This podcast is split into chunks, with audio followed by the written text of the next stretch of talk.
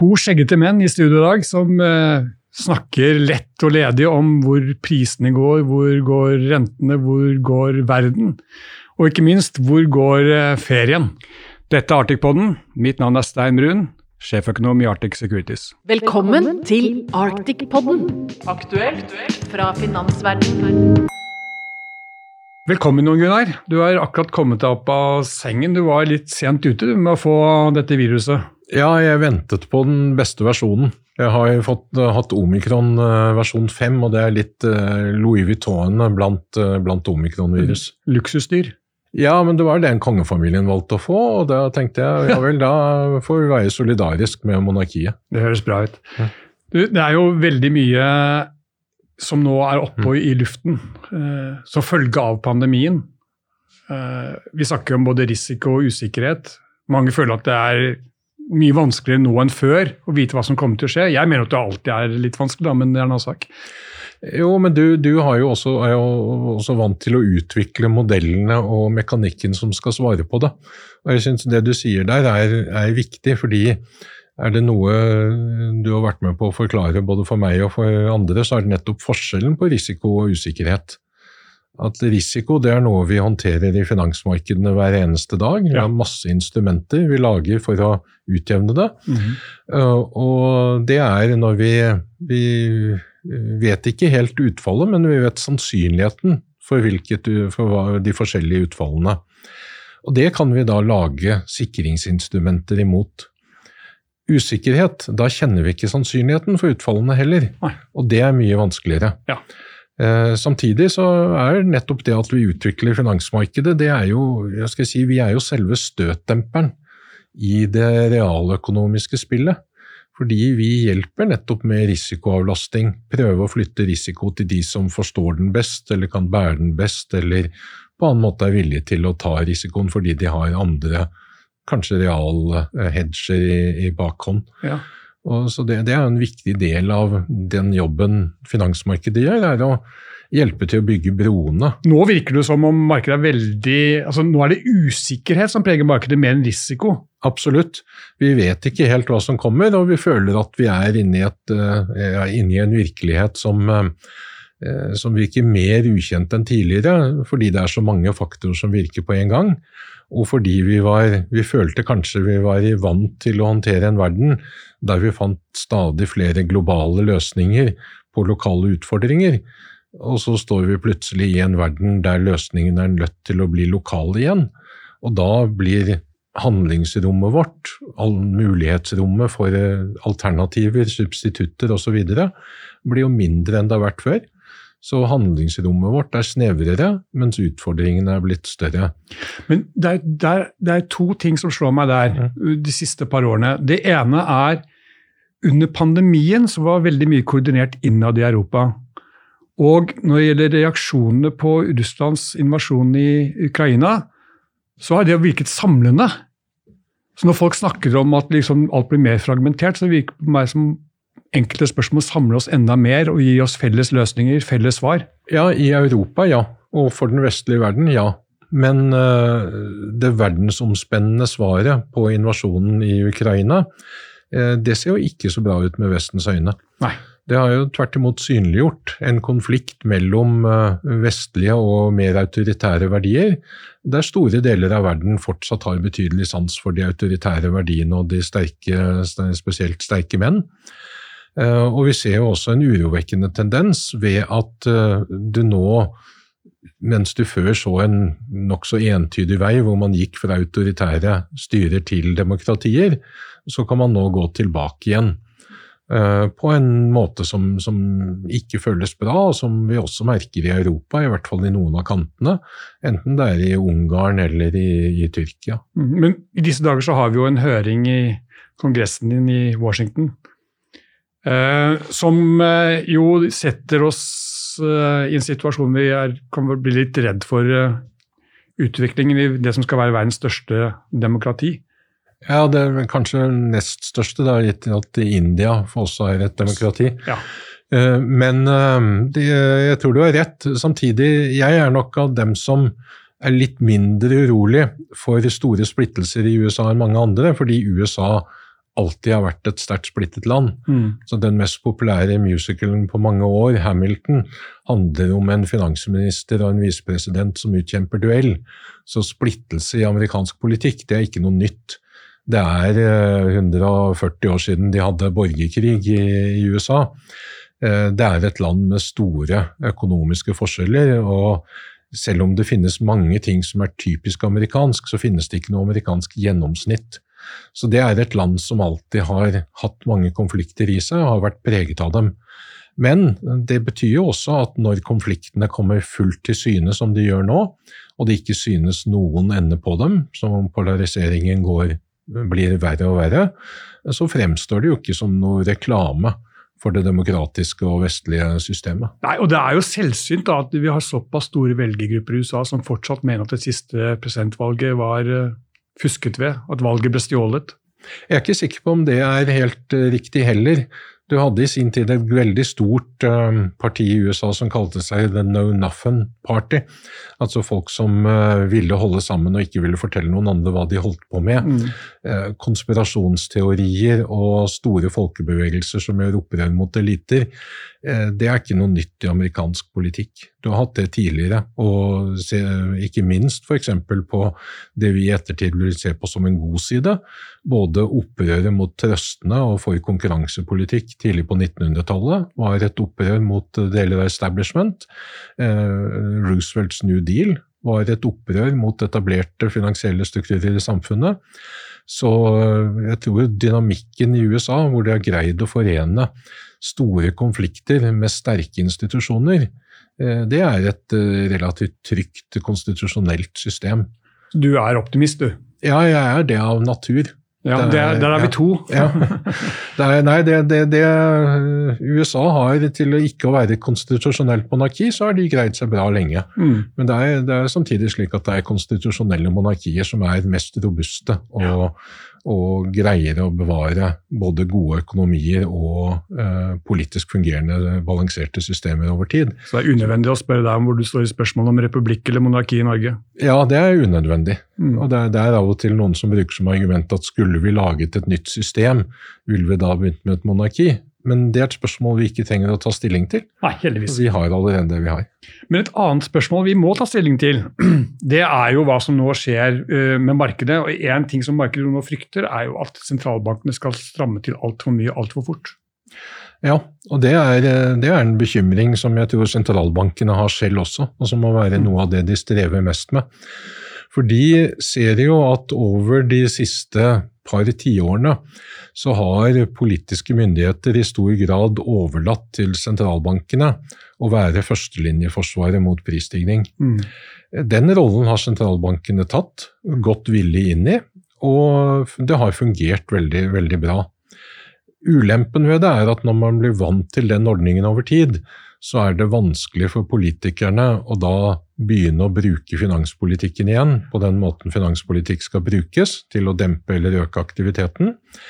Og det rentevåpenet som sentralbankene har til rådighet, det er et veldig eh, si, det, det, amerikanerne kaller blunt instrument. Det, mm. det, det er ikke finslipt. Nei. Det tar ikke hensyn til hva slags årsaker prisstigningene har. Nei, og nå er jo mye forårsaket av tilbudssideproblemer. Ja, og, det tilbudssideproblem, det, det er jo da et signal fra markedet om at her er det noe som er blitt dyrere enn før.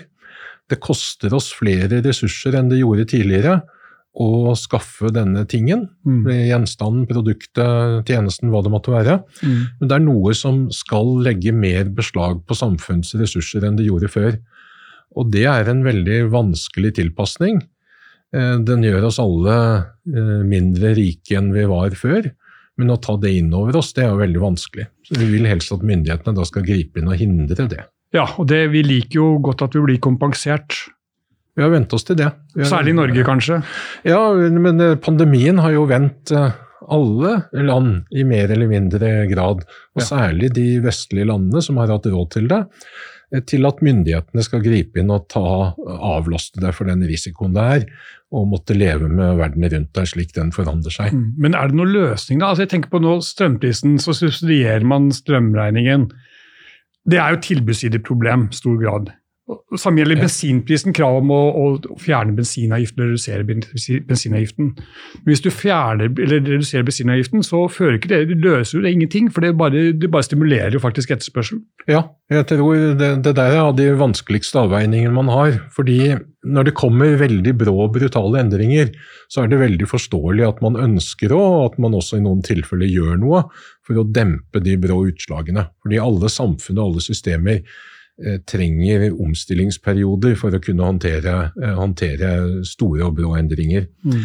Men samtidig så er prismekanismen noe av den viktigste suksessfaktoren i en moderne økonomi.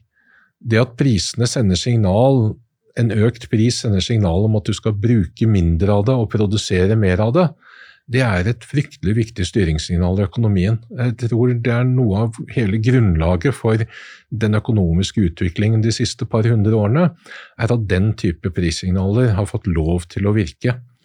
Og hvis vi setter dem ut av kraft, så får vi ikke sendt de signalene i økonomien. Og da vil ikke økonomien omstille seg, justere seg, ta inn over seg at vi faktisk er blitt mindre rike, fordi vi må bruke flere ressurser på å fremstille en, en bestemt vare eller tjeneste enn vi måtte før. Ja, men, men er ikke det litt av problemet, da, at politikerne blir for kortsiktige? Jo, det, og det, pandemien eh, gjør at dette kommer på et veldig uheldig tidspunkt, selv om noen av endringene er jo også forårsaket av pandemien.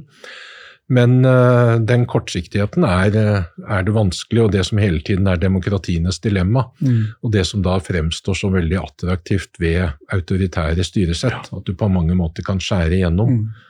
Men så risikerer du jo da at den autoritære typen har et eh, bestemt program, mm. og f.eks. ikke tar inn over seg visse økonomiske sammenhenger. Nei. Når man i f.eks. I, i Tyrkia legger til grunn at uh, høyere renter gir høyere prisstigning uh, som dekret fra myndighetene, og så vet vi at det ikke er riktig, men det er ingenting man kan gjøre med det. Nei.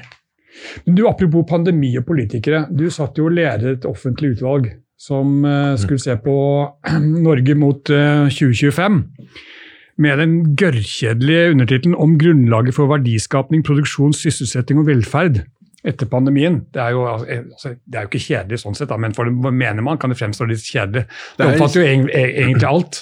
Ja, det er, det er, nok kjedelig, men ikke uviktig. Nei, det er noe helt forskjellige ting. Ja, så det, det, det, er riktig. Og av de tingene vi var opptatt av, var jo bl.a. dette som nå er inntruffet, nemlig at pandemien den slipper ikke på likt i hele verden. Vi er kanskje nå over toppunktet på mm. dødsfall av pandemien, mm. men det er ikke lenge siden. Det er mange millioner mennesker igjen som kommer til å dø av dette viruset. Ja. Og i mange land i verden, og hele verdensdeler, så er nedstengingen av økonomien fortsatt en uh, del av hverdagslivet. Ja, det er jo veldig lett å glemme i Norge. Altså, vi, vi, har jo allerede glemt at vi ikke kunne gå på vinbar eller restaurant i desember i fjor. Ja, det, det, det, vi merker det vi, hvis vi reiser til utlandet og ser at der er det, uh, er det høyere beredskap på det. Vi har fortsatt en del steder stående igjen håndspriten rundt omkring mm. i lokalene, ja. men på de fleste restaurantene så har de begynt å rydde den litt bort fra inngangspartiet. Ja, nei, altså Jeg var nettopp i Roma. jeg fikk jo, Drosjesjåføren fikk jo anfall da vi satte oss inn uten munnbind. Ja, og Dette har ført til at vi hadde i pandemien den største nedstenging av internasjonal kommunikasjon som vi noensinne har hatt. Mm. Aldri tidligere i verden pga. politiske vedtak vært like vanskelig å reise. Eh, likevel fungerte verdikjedene. Mm. Men den minst flyttbare ressurs vi har, selv om det ikke alltid virker sånn, det er arbeidskraft. Ja. Og pandemien stengte inne arbeidskraft der den kom fra. Og den eh, bidro kanskje også til at mange av de som hadde vent seg til å jobbe i utlandet, kom tilbake til et hjemland hvor det også var etterspørsel etter arbeidskraften, mm. og fant ut at de kan faktisk leve ganske godt der. Den effekten har vi jo sett i Norge, altså også før pandemien. F.eks. polske bygningsarbeidere som dro tilbake til Polen fordi lønninga har steget mye. Så kom ja. det andre fra andre østeuropeiske land til Norge for å være i bygningsbransjen. Ja. Men nå er jo til og med svenske ungdommer er jo blitt fraværende fra utestedene i Oslo. Ja, og det, det, det, har jo akkurat den samme læringseffekten, tror jeg. Fordi det svenske arbeidsmarkedet var jo også da fylt opp av folk som kom fra andre steder igjen.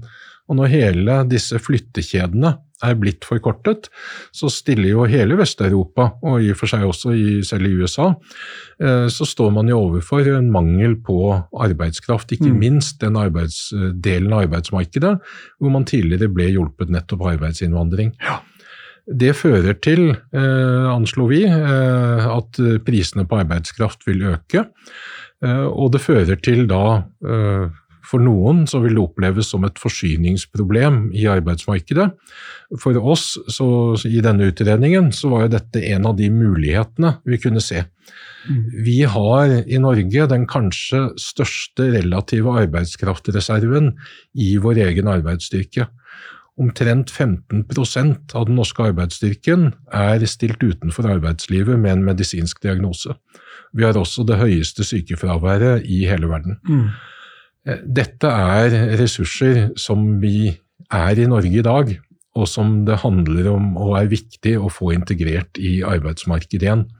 Det at vi nå har et press på lønninger, et press på å finne folk, det gjør at vi bør satse mer på å nettopp få de som har en perifer eller ingen tilknytning til arbeidsmarkedet, trukket inn igjen. Mm. Men det har jo vist seg vanskelig å få gjennomslag for å bruke økonomiske virkemidler, for å kalle det det, for å få folk inn i arbeidslivet? Ja, det er, det er ubehagelig, fordi mm. vi er nødt til å bruke både pisk og gulrot. Mm. Og selv om pisk hjelper noen av de uføretrygdede ut i arbeidslivet igjen, så er det mange som er uføre av helt reelle grunner og mm. ikke kan gjøre noe med det, og som dermed bare vil få det verre. Ja, Det må vi ikke glemme. Nei. Og det, det, det gjør at vi er nødt til å ha både pisk og gulrot. Vi må ha f.eks. ordninger med lønnstilskudd som bygger bro mellom det bedriftsøkonomiske og det samfunnsøkonomiske. Og det er spesielt viktig overfor de yngste. Hvis en ung, blir stå, eller en ung blir ufør, blir du stående utenfor arbeidsmarkedet antagelig resten av livet. Ja. Det er et tap på mange millioner kroner i livsinntekt for den enkelte. Det er en kostnad for mange ganger det millionbeløpet igjen for samfunnet det å investere nå i ungdom og hjelpe dem inn i arbeidslivet, også om de har redusert eh, arbeidsevne, det er en veldig viktig og nyttig investering vi kan gjøre nå. Avgjort, men det virker som det er ganske trege prosesser? Ja, det er det. Det er eh, redd, redsel for utstøtningsmekanismer ja. osv. Mm. Men nettopp der er jo da det at vi har en situasjon i arbeidsmarkedet nå hvor vi mangler arbeidskraft, gjør at det burde være lettere å bruke denne type mekanismer, for det er ikke eh, det, er ingen stor arbeidsledighet som du støter eh, folk ut i. Nei, nå er den jo rekordlav. Ja. Den er jo laveste siden finanskrisen i Norge. Vi har veldig gode forutsetninger for å kunne gjøre det. Det å være inne i arbeidslivet, det er det som gir deg både sosial og emosjonell kompetanse. Du lærer veldig mye av å være på jobb. Mm. Du lærer mye om kodene det er å være i et uh, arbeidsmarked. Du lærer mye og blir en del av et annet jobbfellesskap. Og det, det å, vi, vi ser jo hvordan vi selv definerer oss ut fra hva vi jobber og hva vi gjør. Mm.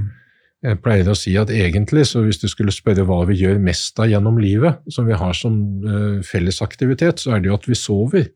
Det er jo en tredel av livet. Vi er sovende mennesker. Men det er vi alle sammen. Ja. Så for å sondre, så mm. vi spør hva er du, mm. så er det noen få som svarer at jeg er familiefar, jeg er teaterbesøkende, jeg er ja. kulturelt interessert. De fleste svarer med hva de gjør, hva er jobben deres. Ja. Og det, det, er en fryktelig viktig personlig identifikasjon. Mm. Men tilbake til situasjonen nå, og, og, kanskje rettet over mot markedet. så Den situasjonen vi har i Norge, det tilsier at vi kommer til å få ganske høy lønnsvekst også de neste par årene? Ja, det, det, tror jeg nok. Og vi har hatt et par lønnsoppgjør nå som jo har vært um, samfunnsøkonomisk veldig viktige. Mm. I den forstand at de har bidratt til å holde tilbake et lønns- og prispress ja. som vi ellers kunne oppleve. Mm.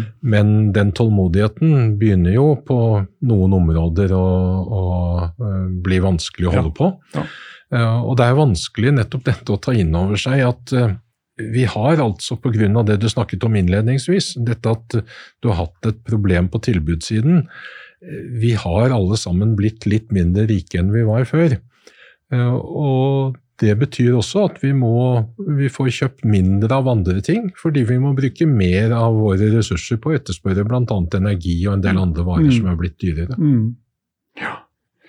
Men Problemet der sånn, kan jo være at uh, lønnstakerne skal ha en kompensasjon ja, for, den høye, for, den høye, inflasjonen vi har. Dette er jo andre lønnsoppgjør på rad hvor den forutsetningen som man la om prisstigningen, den var jo borte omtrent i samme øyeblikk som tallet ble satt ned på et papir. Ja, Nei, ja, det, det, det, er, det, er, begrenset hvor, hvor, lenge det kan gå. Men samtidig så handler det også om å ta, vilje, ta inn over seg. og det, Tradisjonelt så har vi jo egentlig vært flinke til det i Norge. Å ta inn over oss at situasjonen faktisk er annerledes. At vi må reallokere ressurser fra noen sektorer til andre. Eh, det er en måte vi kan kompensere dette på. Eh, når energiprisene stiger, så ut fra hva vi snakket om i sted, jeg har vært opptatt av at du skal ikke prøve å dempe prisene for mye. Men hvis folk får problemer med å betale for nødvendige varer, så skal du gi dem penger. Fordi, ja, det er, bedre, det er bedre enn å kutte avgifter? Ja, absolutt. Fordi folk flest kan innrette seg på den måten som passer akkurat dem. Og for noen så vil det bety at de må ha penger til å kjøpe like mye bensin som før. Mm. Men andre kan kanskje gjøre noe annet enn å bruke mer bensin. Mm. Kanskje kan de isolere vinduene sine så de får lavere strømregninger. Kanskje kan de skaffe seg en sykkel og sykle mer på jobb i stedet for å kjøre bil. De individuelle tilpasningene de vet vi ingenting om. Nei. Og det å gi folk penger som gir dem muligheten til å ta de valgene, men beholde signalene fra prismekanismen, det er en veldig viktig avveining. Så her sier du 'look to Sweden'? Ja, de har gjort det på bensinpriser. At i stedet for å gi avgiftslettelser og uh, kontrollere prisene i stort omfang, så har de gitt folk som bruker bil, uh, penger. Mm. Og Da er det noen som fortsetter å bruke bil like mye som før, og andre mm. tar prissignalet og bruker kanskje pengene på noe annet mm. i stedet. Og Jeg tror hver enkelt er bedre i stand til å ta de valgene som passer seg, og det å ødelegge prissignalet, det er, det er jeg veldig redd. Ja, Så du vil også bruke dette for å få til det grønne skiftet? Ja, det er jo en av mekanismene det er bred enighet om at vi skal bruke. Mm. Vi, vi, skal prissette ting vi tidligere ikke har prissatt. Uh, vi skal, uh, det, det, å påføre oss høyere CO2-utslipp hele tiden og akkumulere mer og mer CO2 i atmosfæren, det har en samfunnsmessig kostnad. Den har tidligere ikke blitt reflektert i prisene på de varene som slipper ut CO2. Derfor har vi vært enige om at det bør den gjøre. Eh, og det er eh, å bruke prismekanismen til akkurat det vi skal gjøre, og signalisere at her er det noe som koster oss mye. Vi må slippe ut mindre av det. Til gjengjeld så må vi da kunne frigjøre ressurser som brukes til andre ting og andre aktiviteter som ikke har de samme negative konsekvensene. Mm, men akkurat det så virker det på en måte som norsk debatt nå på det grønne skiftet har blitt mer om vi skal ha utenlandskabler eller ikke? Ja, det, det er veldig, veldig, snevert. Etter mitt syn så er jo det at vi har den fantastiske muligheten til å både produsere energi på fossil måte og på ikke-fossil måte, det er jo en, en, stor mulighet for oss. Mm. Vi har en god eksportvare i energi, uansett om den kommer i ubearbeidet form, eller om vi greier å bearbeide den selv. Mm, mm. Begge deler er fordelaktige, men det handler jo i, begge, i, bunn og grunn om måter å eksportere energi på, og om hvordan vi fordeler fordelen av å kunne ha energiproduksjon i Norge. Er det, gjennom, er det energiprodusenten som skal ha det? Er det de som bruker energi til å lage råvarer eller bearbeide råvarer? Er det forbrukerne? Det er jo et, eh, et, politisk spørsmål hvordan du fordeler det overskuddet. Mm. Skal Statkraft ha overskuddet? Skal eh, Elkem ha det? Skal batterifabrikkene ha det? Skal forbrukerne ha det? I Norge så har vi jo på strømsiden organisert virksomheten slik at eh, staten er inne på alle områder. Som produsent av strøm, som eh, de nye prosjektene, industriprosjektene som kommer, har jo ofte selskaper med høy statlig eierandel i seg. Staten tar inn avgifter, både særavgifter og generell merverdiavgift. Så, og dessuten tar den skatt og grunnrenteskatt fra energiprodusenter. Så vi har et system som er godt egnet til å uh, hjelpe til med fordelingen av dette riktig. Men jeg mener altså at vi skal i minst mulig grad uh, ødelegge prismekanismen og det signalet de forsøker å sende, om at her har vi en veldig verdifull vare som det er stor etterspørsel etter i verden. Men da har du forklaringsproblem overfor velgerne, da? Jo, men de står ikke jeg til noe ansvar for. Så jeg kan bare snakke for, for hva som er riktig økonomi. Ja, og du har jo tidligere vært eh, i Finansdepartementet som statssekretær, og da Slik tenker man jo der. Det, det gjør man, og jeg tror man har en uh, tydelig oppfatning av historikk og his, lange historiske linjer i departementet. Og selv så pleier jeg nok også å si at er det, er det noe som kjennetegner de landene der man etter hvert begynner å måtte spise opp dyrene i dyrehagen, så er det at de har hatt autoritære regimer som har begynt å regulere eller subsidiere prisene på energi.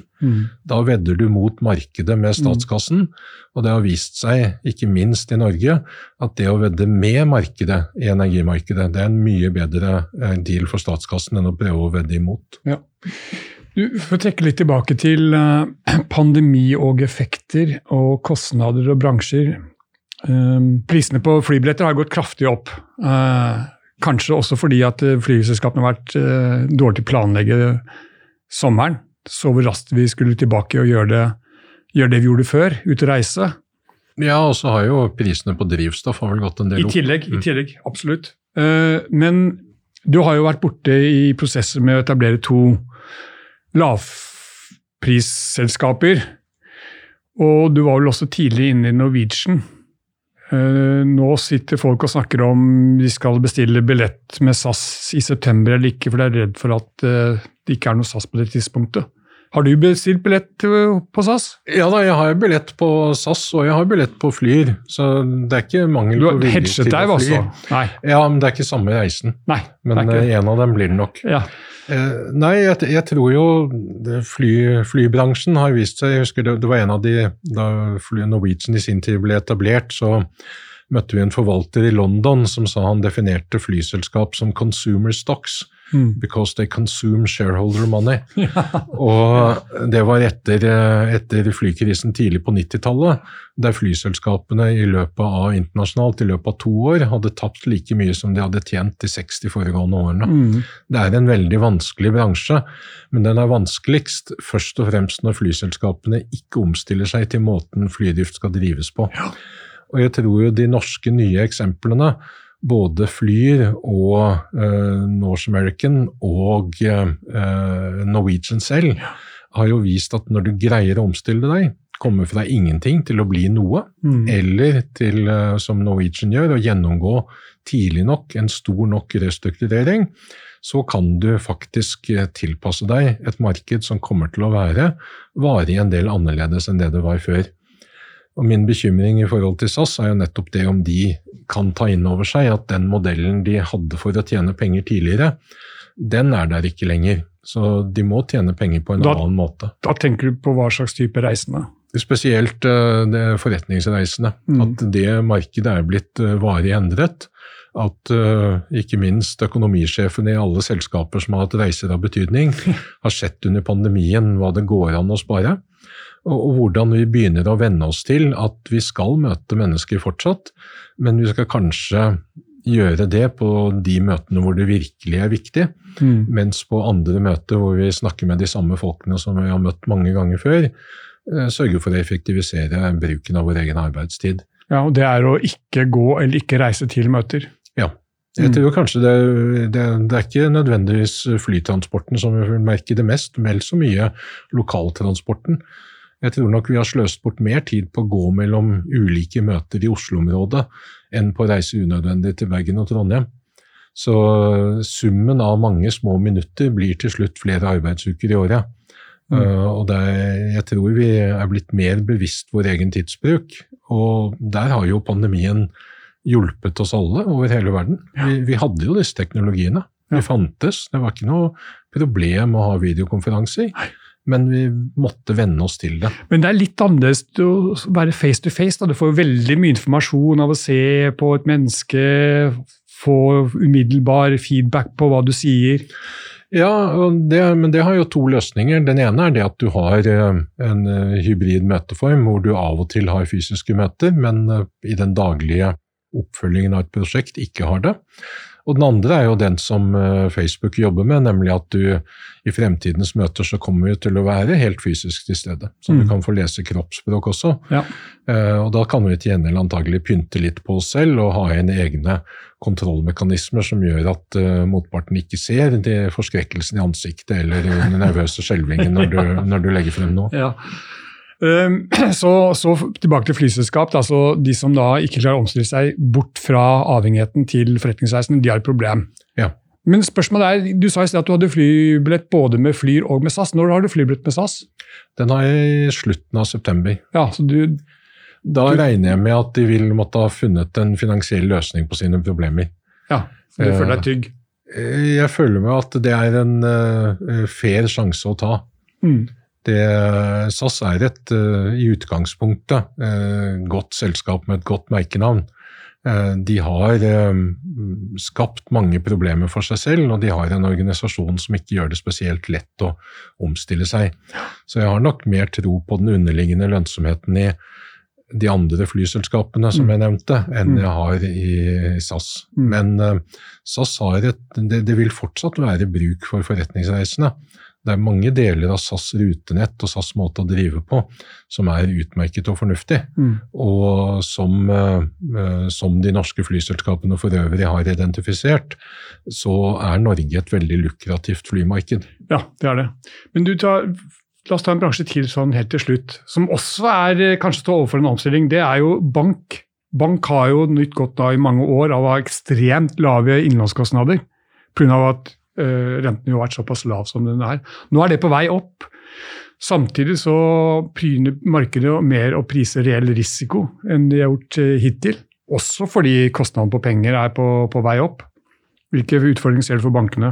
Nei, Jeg ser noe av det du peker på der. Vi, I tillegg til at du hadde lave rentekostnader, så har du også hatt en, et enormt volum av privatinnskudd mm. som har gjort at har, de har ikke vært like avhengig av markedsfinansiering som de tradisjonelt er. Eh, det vil endres nå i de kommende, eh, kommende månedene og årene. De vil, må gå mer ut i markedet og hente penger. Da blir erfaringsvis kredittspreddene mer eh, realistiske og mer reelle, mm. og innlånskostnadene til bankene vil kunne bli mer forskjellige enn de har vært til nå. Det er også slik at for at et økonomisk system skal fungere over tid, så skal de som kan å vurdere risiko, likevel av og til ta tap. Og Det er en viktig del av bankenes funksjon, det er jo, og som de nå er bygd opp med, med kapital for å kunne tåle, det er jo å ta tap ja. når du har store omstillingsprosesser i økonomien. Eh, I Europa så har man allerede priset banksektoren betydelig ned, ja. i påvente av at du skal ta innover deg eh, en kommende resesjon. Ja. Eh, I Norge så ser vi vel ennå lite av dette. Men om, om, kostnaden der kommer i form av tap, eller om den kommer i form av økte kredittspredder gjennom obligasjonsmarkedet og finansieringen, det er vanskelig å, mm. vanskelig å si ennå. I dag så jobber du mer som sånn strategisk rådgiver for enkelte banker, men da vi jobbet sammen nest sist, så var du jo bankanalytiker. Og det er vel en tendens til at eh, særlig når vi har en risiko for at vi kan komme i et økonomisk svak utvikling, resesjon, at eh, vi tenderer til å overvurdere hvor mye bankene kommer til å tape? Ja da, det, det, det er sånn. Det, samtidig så er det slik at banktap kommer jo på flere måter. Mm. Det kommer ikke bare i form av tapet på den absolutte nedskrivingen, slik man tok store tap på begynnelsen av 90-tallet. Det kommer også i inntekter som ikke kommer. Mm. Fordi rentene må settes ned, eller du må mm. reforhandle betingelser på en måte som forskyver ut i tid, eller svekker marginen i forhold til det du normalt skulle hatt. Så det er ikke gitt at banktapene skal synes på tapslinja, det kan godt være at de synes på lavere marginer enn du ellers ville hatt i stedet. Ja. Ja. Det viktige er jo at bankene skal oppfylle denne funksjonen, nemlig å være kredittgiver og risikomåler, og kunne tåle å være med og ta risiko i perioder. Eh, nå har de vært veldig sterke og har hatt veldig lave tap og bygd opp stor mengde kapital. Eh, fremover så vil det bli et, et tøffere å være bankansatt og skulle hjelpe eh, selskap gjennom krisene. Mm. Det siste analytikerne justerer, før de justerer prisforventningene sine, det er jo inntjeningsforventningene. Ja. Og selskapene selv vil jo også ofte være litt trege med å justere inntjeningsforventningene. Det er, hva skal jeg si, alle, på, på, samme måte som de fleste bilister føler de er bedre enn gjennomsnittet, så regner de fleste selskap med at de er kanskje litt mer optimister enn bransjen flest. Mm. Og det å ta ned estimatene og ta ned inntjeningsforventningene jeg er ikke sikker på om vi er ferdig med den, den jobben ennå. Nei, det gjør alltid vondt. Det gjør det, og vi, har tatt ned verdsettelsen av det pga. Mm. at eh, renten, renteøkningen har vi tatt inn over oss. Mm. Men at kontantstrømmen også skal falle litt, det er nok ikke ennå tatt helt ut. Men Betyr det at du ikke er så optimistisk på markedet på kort sikt? Nå tenker jeg på aksjemarkedet. Ja, Aksjemarkedet har tatt inn over seg som jeg sa, renteutviklingen. Mm. Eh, og aksjemarkedet som bredt, det, det, føler jeg nok kanskje ikke har tatt inn over seg at kredittspreddene også går ut. Mm. At det blir litt dyrere å finansiere seg, ja. og at mer kostbar finansiering slår også ut i selskapenes inntjening. Ja. I tillegg så har du håndteringen av eh, pris- og lønnsstigning, hvor da lønnsstigningen antagelig har vært eh, holdt eh, litt lav i forhold til den prisstigningen vi har hatt. Ja. Det påvirker jo kostnadene også. Kanskje mer i Norge enn i Europa, egentlig? Ja. Ja. Vi, vi, vi, har en tradisjon for å gjøre dette på en grei måte i Norge. Mm.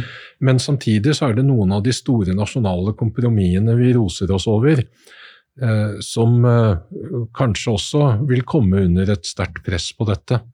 Vi har vært stolte av pensjonsreformen i 2009. Mm. Eh, den har nå virket i over ti år. Mm. Men det vi kanskje glemmer, det er at de første årene i pensjonsreformen, fra 2009 og fram til i år, de innebar at vi fikk større pensjonsutgifter mm. enn vi ville ha fått med det pensjonssystemet vi hadde før. Mm. 2023 blir det første året hvor vi får en innstramming og får lavere pensjonsutgifter enn det gamle pensjonssystemet ville ha gitt oss. Mm. Så hittil har pensjonsreformen bare innebåret større utgifter. Det er i årene fremover det blir vanskelig å holde på den. Mm. Og på tilsvarende måte så tror jeg også at det er, det er når du får den når, når, vi sukrer pillen i begynnelsen, så er det når vi, vi merker den bitre medisinsmaken, mm. at problemene begynner å komme. Ja. Så vi har kanskje Motstanden?